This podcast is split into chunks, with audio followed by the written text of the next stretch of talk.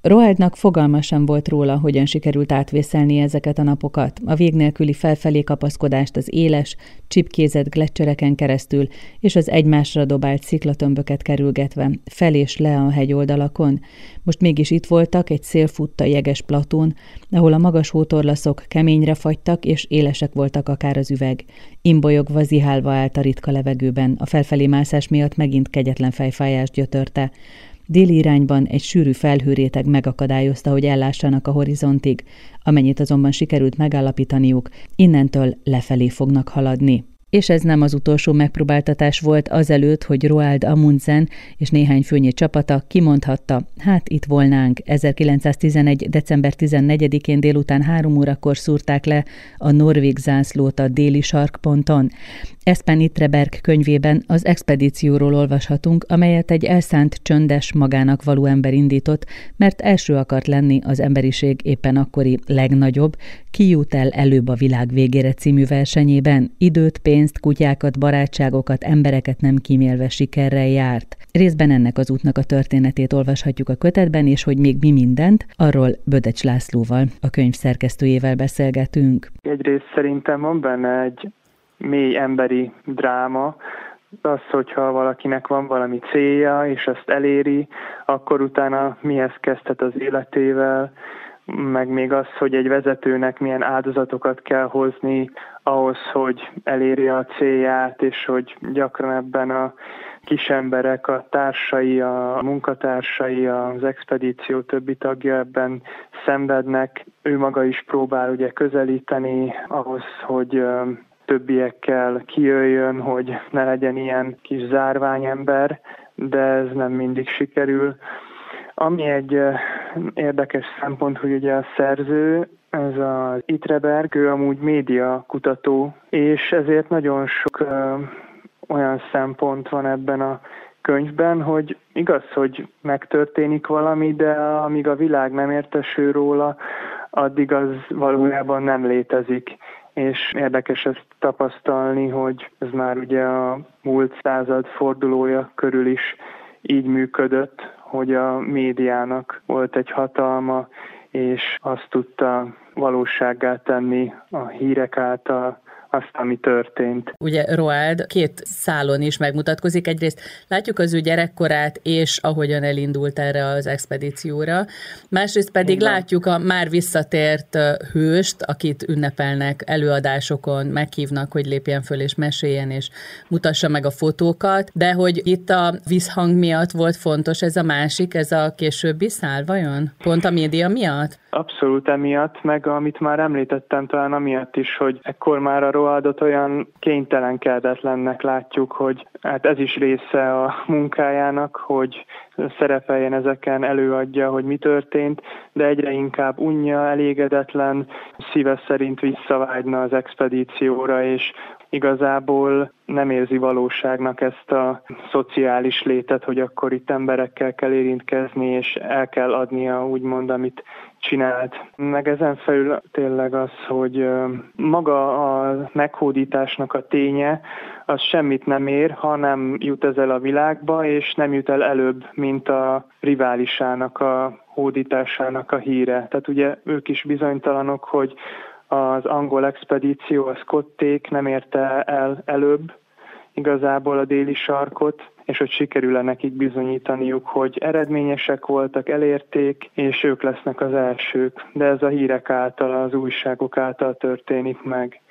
Úgyhogy emiatt nagyon fontos ez a szál is. És akkor ebből jön ez az érdekes kettősség, hogy tulajdonképpen ide-oda ugrálunk, de szerintem nagyon szépen szerkesztetten az idősíkok között. Kiderül, hogy gyerekkorában hihetetlen hajtotta valami, egyrészt, másrészt pedig nagyon zárkózott volt. Ugye ő vezeti az expedíciót, de az ő személyisége miatt nem könnyű neki az emberekkel. Nagyon küzd vele, és rengeteg hibát követel, és az az érdekes szerintem, hogy ezt úgy tudta megírni a szerző, hogy ez érdekes marad, és nem egy, egy oldalú hőst látunk, aki hatalmas tettet hajtott végre, annak ellenére, hogy köztiszteletnek örvend az országában, és valóban a saját idejében is hősként ünnepelték, de megmutatja ennek a másik oldalát, hogy közben azért nehéz volt vele kijönni, és sokan szenvedtek miatta, a munkatársai is például. Egy rossz döntés bárki életébe kerülhetett. Így van, és az is érdekes, hogy nem ő volt a legfelkészültebb az expedícióban, mármint fizikailag egész biztosan nem,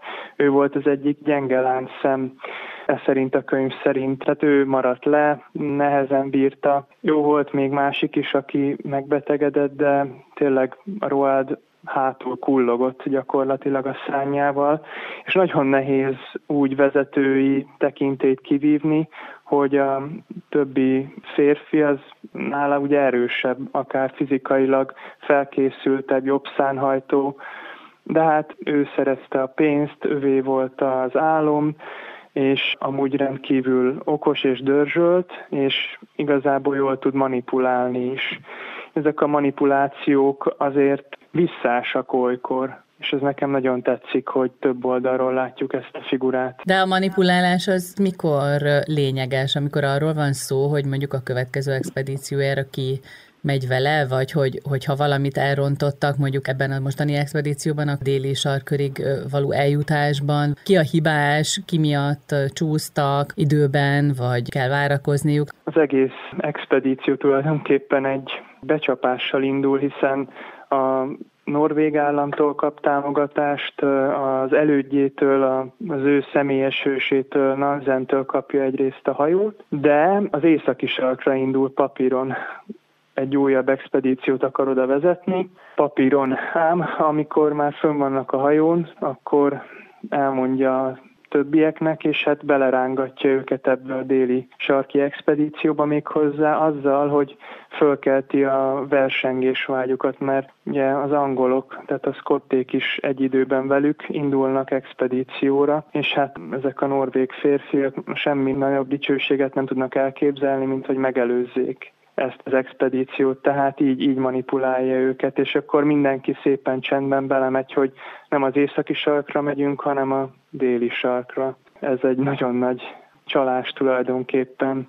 Ő ezt már a lelki ismeretében így rágja, és hát valahogy majd azt mondja, hogy a, az elért eredmény az majd igazolja az odavezető utat. Tudták egyébként, hogy konkrétan mire vállalkoznak? Azért van ott egy olyan szakasz a könyvben, amikor ugye tél van, és mínusz 50 fok van, és teljesen embertelen körülmények között kell kibírniuk, hogy tovább tudják folytatni az útjukat a bázisról, és nincsenek olyan mhm. távol már. Csak sejthették, tehát volt róla fogalmuk, hogy milyen veszélyek leselkednek rájuk, de ez kiszámíthatatlan teljes mértékben, hiszen lehet szerencséjük, lehet jó idő, vagy pedig lehet éppen viharos időjárás, és akkor nem tudnak egyszerűen elindulni. Van is a könyvben egy ilyen rész, amikor talán hetekig rostokolnak egy már a célhoz közel lévő bázison, meg is próbálnak elindulni, mert már mindenki türelmetlen, ugye csökken a morál, hogy egy helyben vannak és csak emésztik a tartalékaikat. Elindulnak, de ez hibának bizonyul, mert vissza kell fordulniuk és Igen. aztán később megint meg kell próbálniuk.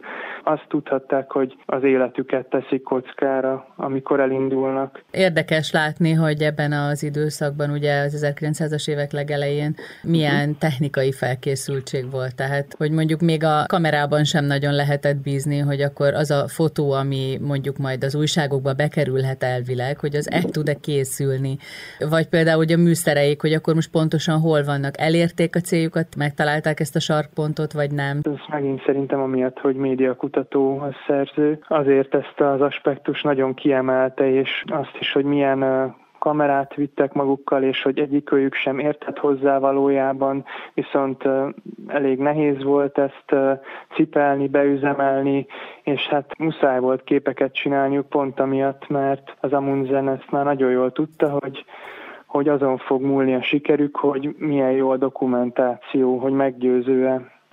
És emiatt különösen nagy hangsúlyt fektettek rá, hogy ha nem is a legjobbakat, de hogy mindenképp készítsenek képeket, és ebből is konfliktus volt, hogy ki lesz rajta például a meghódítás képén, hiszen valakinek ott kellett a kamera mellett állni, és ő emiatt lemaradt a képről például érdekesek ezek. Meg egy másik ilyen aspektus, hogy fölrebbent a plegyka, hogy az angolok motoros szánnal fognak próbálkozni, míg ők kutyás szánnal. És hát ettől féltek is, hogy akkor az vajon nem lesz-e sokkal gyorsabb, nem éppen emiatt veszítik el a versenyt. Ezek izgalmasak.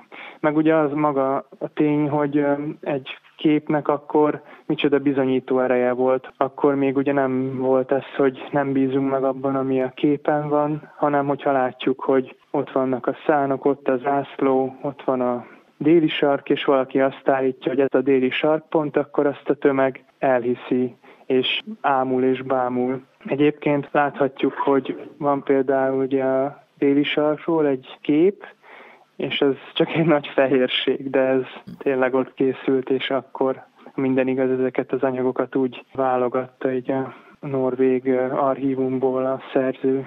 Tulajdonképpen a cselekmény az csak annyi, hogy hajóra ülnek, elindulnak, várnak, odaérnek, de mégis valahogy a szerző feszülté tudja tenni ettől az állandó belső konfliktustról, ami van az Amundsennek. Amikor már jár az országban és előadásokat tart, nagyon zaklatott. Emlékszik helyzetekre, hogy kivel milyen viszonyban volt, hogy ki támogatta őt, hogy kivel kellett harcolni folyamatosan, vagy elvenni tőle a lehetőséget, hogy velük tartson. Igen, tulajdonképpen ez egy kalandregény szerintem, de a kaland része az más, mint amit megszokhattunk, tehát belül vannak a konfliktusok, és azon áll vagy bukik ugye az ő sikerük, hogy mennyire tudja összetartani ezt a nagyon különböző lelkületű emberekből álló csoportot, és mint azt már említettük, nem jól bánik az emberekkel, inkább manipulatív, de nem teljesen szőrös szívű figura szerintem. Van benne egy jó adag együttérzés is, mind a mellett, hogy van kisebbségi komplexusa is. Na pont ezt hát akartam mondani, hogy fél. Lavírozik. Egyrészt bizalmatlan, másrészt saját magában sem bízik talán. Szerintem is ezzel küzd folyamatosan, hogy látja, hogy nem ő a legstrammabb, fiú ott az expedíción, ez is zavarja, az is zavarja, hogy van egy nagyszájú kollégája, aki valóban okosabb is talán nála, vagy nagyobb tapasztalata is van. És hát megy köztük ez a belső harc, hogy kivívja ki a tiszteletet, de a másik figura nem olyan eltökélt, nem olyan céltudatos, mint Roald, és talán ezen bukik el, meg hát Roald van ugye a nyerekben, tehát adott esetben igazságtalanul is meg tudja büntetni, ki tudja osztani a többieket. És az érdekes, hogy ezt el is fogadják az expedíció közben, mert valahol a legtöbb beletartó, így tisztelettudó, kötelességtudó és egyszerűen nem akarnak szétesni ők sem, tehát valahol elfogadják, hogy a főnök az a főnök. Viszont azt is látjuk, hogy az expedíció után nem csak ez az üresség, hogy most akkor mi lesz, hanem már nagyon elegük is volt, és miket elnyomtak magukban, az úgy jön ki, hogy jó, megcsináltuk, de így nem biztos, hogy többet akarunk ilyet szétszéled, úgymond a csapat, utána már nem tudja őket összerántani, a fizikai kihívásokat még csak érintettük, és ugye uh-huh. ezek olyan emberek, akik azért ismerik a havat, a hideget, és ugye ott van egy kaland, amikor Roald még gyerekkorában majdnem meghal. Betemet egy lavina, testvére menti ki. Nekem eleve van egy óckodásom a hidegtől, és el tudtam képzelni, hogy, hogy micsoda iszonyatos fagyban mennek ők, meg amikor van egy repríz ennek az ön által említett jelenetnek, a gyerekkori hó alá kerülésnek, ugye az expedíción is majdnem tragédiába torkolik, tehát van olyan azt hiszem, hogy szánnal egy hasadékba zuhan Roald, és hát nagy nehezen menekül csak meg. És hát ezek az olvasónak így a fantáziáját is megpróbálják, mert kevesen voltunk életünkben kitéve ilyen megpróbáltatásoknak, és ez az olvasmány jó lehetőség arra, hogy egy kicsit beleképzeljük magunkat, és így megborzongjunk, és valahol örüljünk, hogy nem kell ilyenekkel birkóznunk. Engem megfagyasztott ez a könyv olykor a leírásoknak a hűsége miatt. És hát ez az expedíció nem túl környezetbarát vagy állatvédő, ugye nem úgy számolnak az állatokkal, mint jó barátokkal, hanem mint munkaeszközzel, föl kell áldozniuk ezeket a szánhúzó kutyákat, és eleve így számolnak, hogy elhúzzák őket egy ideig a kutyák, aztán amikor már nincs rájuk szükség mindre, és amúgy is nem bírnák etetni őket, akkor inkább ők végeznek velük. Ez egy rendkívül sötét pontja szerintem ennek az expedíciónak, és hát ez mutatja a keménységét ennek a világnak és munkának. Azon túl, hogy az első ember a déli sarkon, ezen túl volt ennek az egész expedíciónak akkor kimondott célja, bármi értelme? Hát tudományos célja van, meg felfedezői célja, tehát ez a világot előbbre viszi mindenképpen egy óriási eredmény, hogyha elérjük azokat a pontokat, ahol még nem voltunk, ugye ma is a mélytengeri kutatása modern technológiával beindult, és hát újabbnál újabb felfedezések. Vagy olyan ez, mint amikor a NASA egy új teleszkópot telepít, és akkor egy még nagyobb képet kapunk róla, hogy milyen az univerzum, tehát ez azzal egyenértékű, csak akkor még ugye hátrébb tartott ez a, az eljutás, felfedezés dolog, de hát ez óriási eredmény, mert ők akkor ott vesznek mintákat, méréseket csinálnak, és bár nem teljesen pontosak ezek, tehát a technikának megfelelően, de több, mint a semmi, és ezekkel utána rengeteget dolgoznak a tudósok valószínűleg, én így képzelem, és hát ez óriási tét. Igen, csak erről kevés szó esik, ez olyan, mintha neki lett volna az ambíciója, és hogy ez milyen tudományos eredményeket hozhat. Az talán nem volt akkora fejében, inkább a láz, hogy ő menni akar, és ő akar lenni az első. Igen, ezzel egyetértek, hogy benne ez a becsvágy volt a legnagyobb, meg úgy eleve az, hogy Valahogy ő erre született, azt hiszem, tehát gyerekkorától kezdve ez volt az, ami őt megfogta, olyan könyveket olvasott, amikben felfedezők vannak, rajongott a későbbi vetélytársáért, Nanzenért.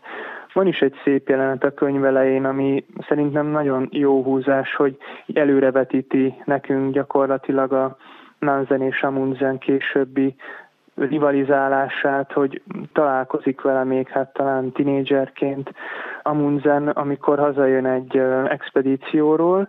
A Nansen, és ott kocsival viszik őket, és meg rohan utána, rohan a lovas kocsi utána az utcákon, és hát valahogy ő éri utol az egész tömegből, pedig egy óriási tömeg fogadja, tehát őt már akkor is nagyon hajtja ez, hogy utolérni, ott lenni, megelőzni, meg félrelöki a többi srácot, amikor nem lát tőlük, tehát őt nagyon hajtja ez, hogy elsőnek kell lenni.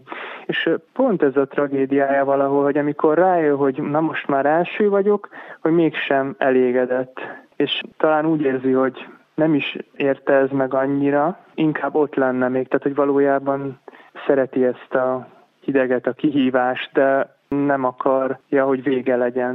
Tehát, hogy valahogy ő erre született, és a helyzet megtalálta a megfelelő embert. Talán nem is a tudományos cél volt számára a legfontosabb, de a világnak szüksége volt erre, és hát ő volt a, az alany, aki ezt végre tudta hajtani, és így a cél és a, az ember megtalálta egymást. Amundsen Espen Nitreberg könyvét a Tipotex kiadó jelentette meg. Bödecs László költővel, a magyar kiadás szerkesztőjével beszélgettünk róla.